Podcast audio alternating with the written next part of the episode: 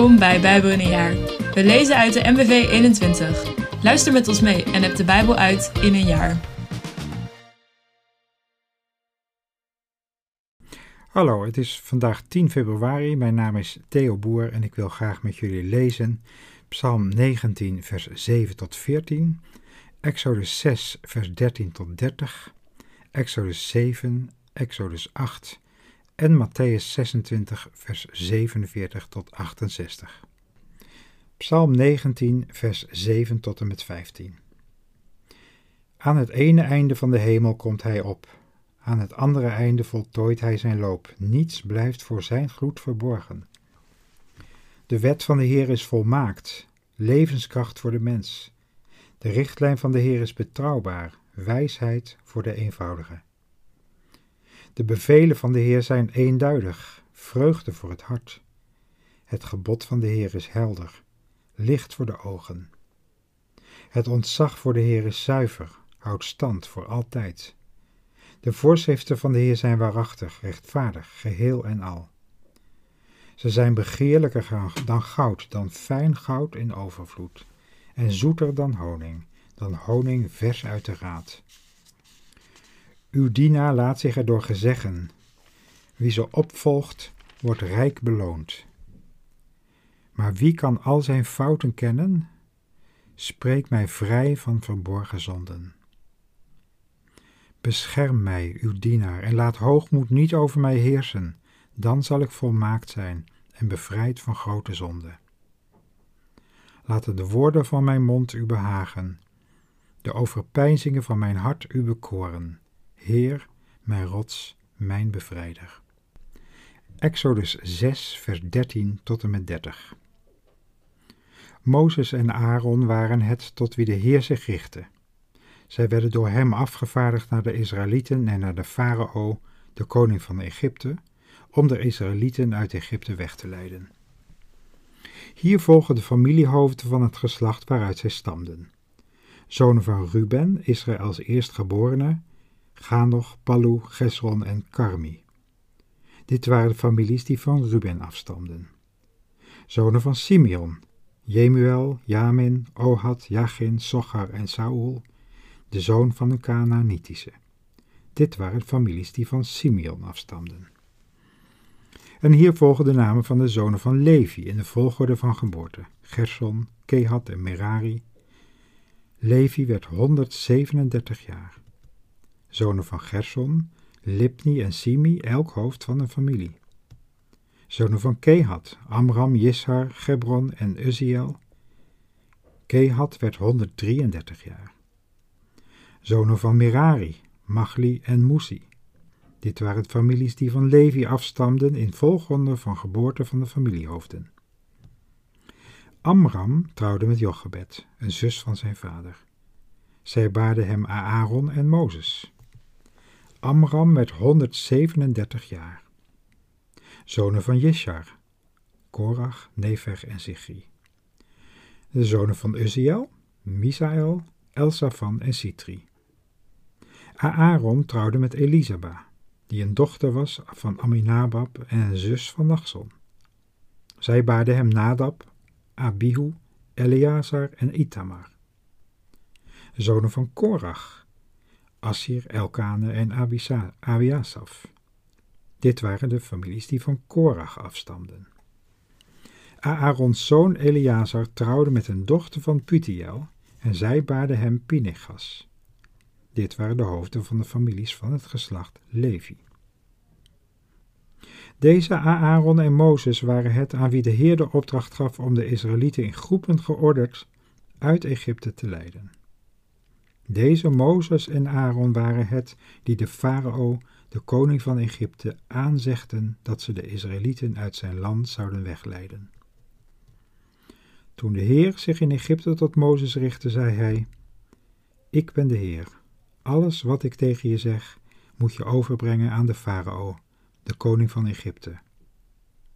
Mozes antwoordde: Ik kom zo moeilijk uit mijn woorden, de farao zal niet naar me luisteren. Exodus 7 Maar de Heer zei: Ik zal ervoor zorgen dat jij als een God voor de farao staat. en je broer Aaron zal je profeet zijn. Jij moet Aaron alles zeggen wat ik je opdraag. Hij zal het woord voeren en de farao zeggen dat hij de Israëlieten uit zijn land moet laten vertrekken. Ik zal ervoor zorgen dat de farao hardnekkig weigert en ik zal in Egypte veel tekenen en wonderen verrichten. Ook dan zal de farao niet naar jullie luisteren. Daarom zal ik de Egyptenaren mijn macht laten voelen en hen zwaar straffen, en ik zal mijn volk, de Israëlieten, in groepen georderd uit Egypte leiden. De Egyptenaren zullen beseffen dat ik de Heer ben, als ik mij tegen hen keer en de Israëlieten bij hen wegleid. Mozes en Aaron deden alles wat de Heer hun opdroeg. Mozes was tachtig jaar en Aaron 83 toen zij zich tot de farao richtten. Egypte getroffen door plagen. De Heer zei tegen Mozes en Aaron: Als de farao jullie om een wonder vraagt, moet jij, Mozes, aan Aaron opdragen zijn staf voor de ogen van de farao op de grond te gooien. Die staf zal dan een grote slang worden. Mozes en Aaron gingen naar de farao en deden wat de Heer hun had opgedragen. Voor de ogen van de farao en zijn hovelingen gooide Aaron zijn staf op de grond en de staf veranderde in een slang. De farao liet op zijn beurt de geleerden en tovenaars komen en deze Egyptische magiërs bereikten met hun toverformules hetzelfde. Ieder gooide zijn staf neer en elke staf veranderde in een slang. Maar de staf van Aaron verslond alle andere staven. Toch bleef de farao onverzettelijk. Hij wilde niet naar Mozes en Aaron luisteren zoals de Heer gezegd had.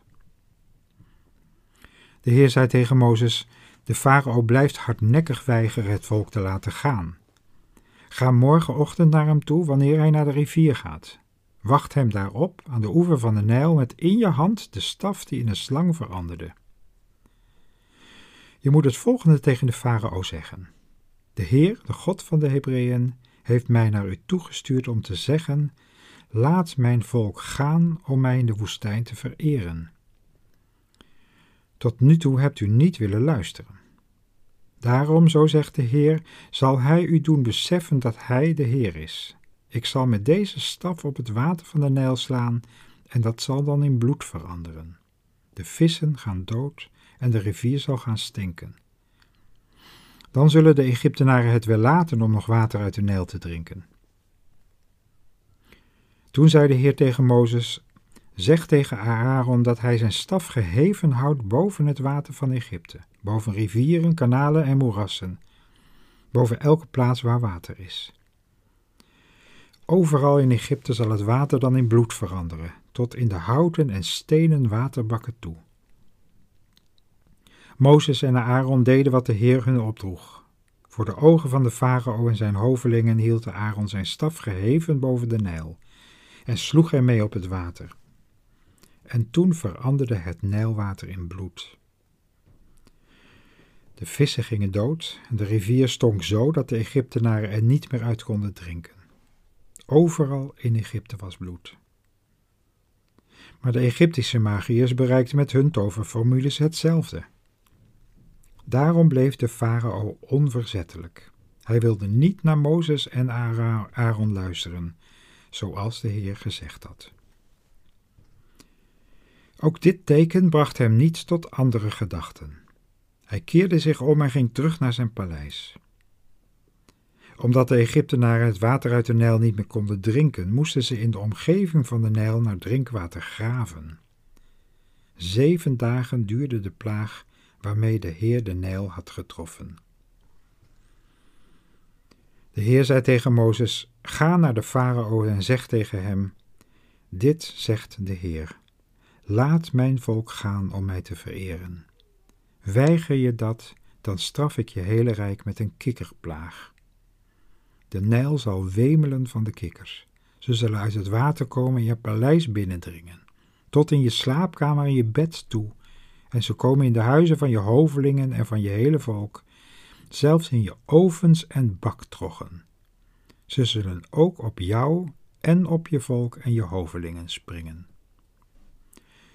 Exodus 8 Toen zei de Heer tegen Mozes, zeg tegen Aaron dat hij zijn staf geheven houdt boven de rivieren, kanalen en moerassen, om overal in Egypte kikkers tevoorschijn te laten komen. Toen Aaron zijn arm boven het water hield, kwamen er kikkers uit. Heel Egypte werd eronder bedolven.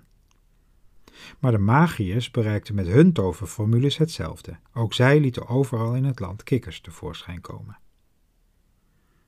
Toen ontbood de farao Mozes en Aaron. Bid tot de Heer dat hij mij en mijn volk van die kikkers verlost, zei hij. Dan zal ik het volk laten gaan om de Heer offers te brengen. Mozes antwoordde: Het is aan u om te bepalen wanneer ik de Heer moet vragen om u, uw hovelingen en uw volk van de kikkers te bevrijden en ze uit de huizen te laten verdwijnen, zodat er alleen in de Nijl nog kikkers overblijven. Morgen, zei de farao. Zoals u wilt, antwoordde Mozes. Dan zult u beseffen dat er niemand is als de Heer onze God. Want de kikkers zullen uit uw paleis en uit de huizen van uw hovelingen en uw volk verdwijnen, en er zullen alleen in de Nijl nog kikkers overblijven. Hierop verlieten Mozes en Aaron het paleis. Mozes riep de Heer aan en smeekte de farao van de kikkerplaag te verlossen. En de Heer deed wat Mozes vroeg. Overal in de huizen, op de binnenplaatsen en op de akkers gingen de kikkers dood. Ze werden bijeengeraapt en op hopen gegooid. Het hele land stonk ervan. Toen de farao merkte dat het onheil geweken was, weigerde hij weer hardnekkig naar Mozes en Aaron te luisteren, zoals de Heer gezegd had. De Heer zei tegen Mozes: Zeg tegen Aaron dat hij met zijn staf op de grond moet slaan. Dan zal in heel Egypte het stof veranderen in muggen. Zo gebeurde het. Aaron sloeg met zijn staf op de grond en meteen zaten er muggen op mens en dier. In heel Egypte veranderde het stof in muggen. De magiërs probeerden met hun toverformules ook muggen tevoorschijn te brengen, maar zij slaagden daar niet in. Omdat alle mensen en dieren onder de muggen zaten, zeiden de magiërs tegen de farao: hier moet God de hand in hebben. Maar de farao bleef onverzettelijk, hij wilde niet naar Mozes en Aaron luisteren, zoals de Heer gezegd had. De Heer zei tegen Mozes: Wacht de farao morgen in alle vroegte op, wanneer hij naar de rivier gaat, en zeg tegen hem: Dit zegt de Heer: Laat mijn volk gaan om mij te vereren. Wil je mijn volk niet laten gaan, dan stuur ik allerlei ongedierte op, af op jou en op je hovelingen, je volk en je huizen. In de huizen van de Egyptenaren en waar ze maar gaan of staan, zal het wemelen van het ongedierte. Maar ik zal die dag een uitzondering maken voor Gozen, het gebied waar mijn volk woont. Daar zal het ongedierte niet komen. Zo zal ik jou doen beseffen dat ik, de Heer, aanwezig ben in je land. Ik zal mijn volk vrijwaren van de plaag die jouw volk te wachten staat. Dit wonder zal morgen gebeuren. De Heer deed wat hij had gezegd. In grote getalen drong het ongedierte het paleis van de farao en de huizen van zijn hovelingen binnen, en overal in het land richtte het zware schade aan. Toen ontbood de farao Mozes en Aaron. Goed, zei hij, ga uw God maar offers brengen, maar blijf in mijn land. Dat is onmogelijk, zei Mozes. De offers die wij de Heer onze God moeten brengen, zullen de Egyptenaren weerzinwekkend vinden. Als we in hun bijzijn dergelijke offers brengen, stenigen ze ons nog. Sta ons toe om drie dagreizen ver de woestijn in te trekken om daar aan de Heer onze God offers te brengen, zoals Hij ons heeft opgedragen. Ik laat u gaan, zei de farao. Dan kunt u de Heer uw God in de woestijn offers brengen. Alleen, u mag niet te ver weggaan. En bid voor mij. Mozes antwoordde: Zodra ik bij u weg ben, zal ik tot de Heer bidden, en morgen zal het ongedierte dan bij u, uw hovelingen en uw volk verdwenen zijn.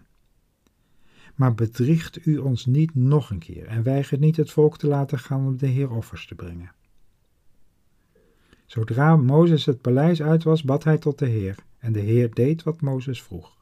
Het ongedierte verdween bij de farao, zijn hoveling en zijn volk. Er bleef niets van over. Toch weigerde de farao ook dit keer hardnekkig het volk te laten gaan. Matthäus 26, vers 47 tot en met 68. Nog voor hij uitgesproken was, kwam Judas eraan, een van de twaalf, in gezelschap van een grote, met zwaarden en knuppels bewapende bende, die door de hoge priesters en de oudsten van het volk was gestuurd.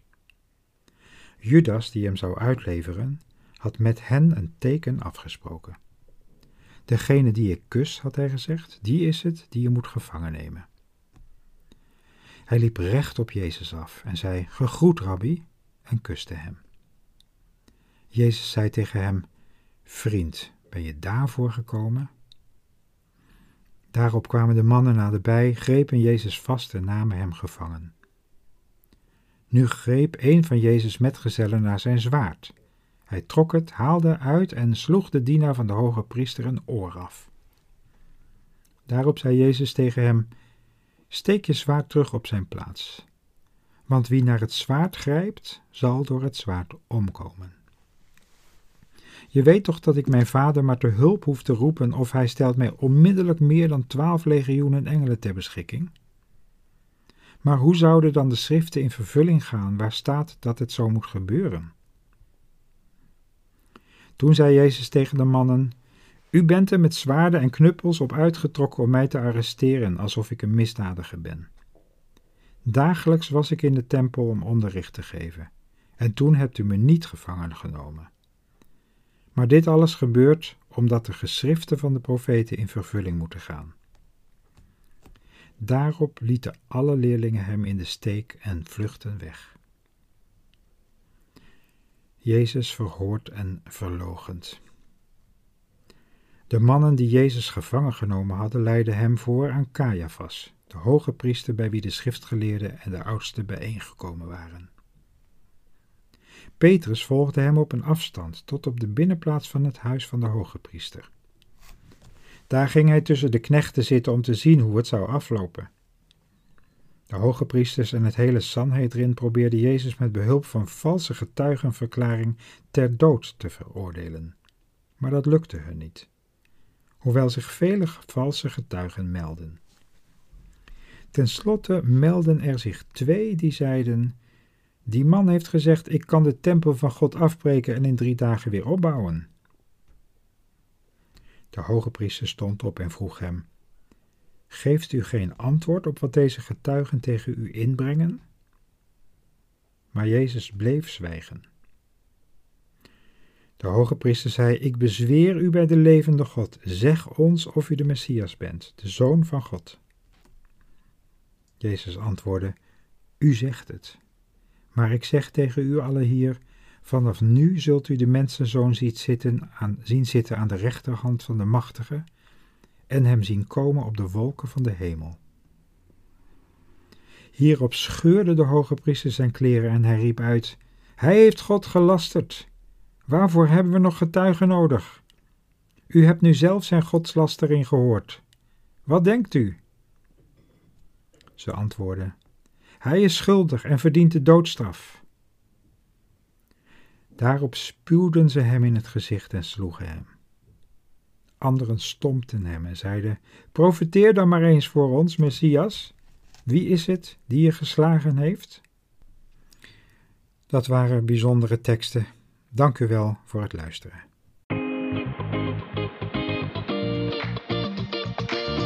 Bedankt voor het luisteren allemaal. Nog een gezegende dag en tot morgen.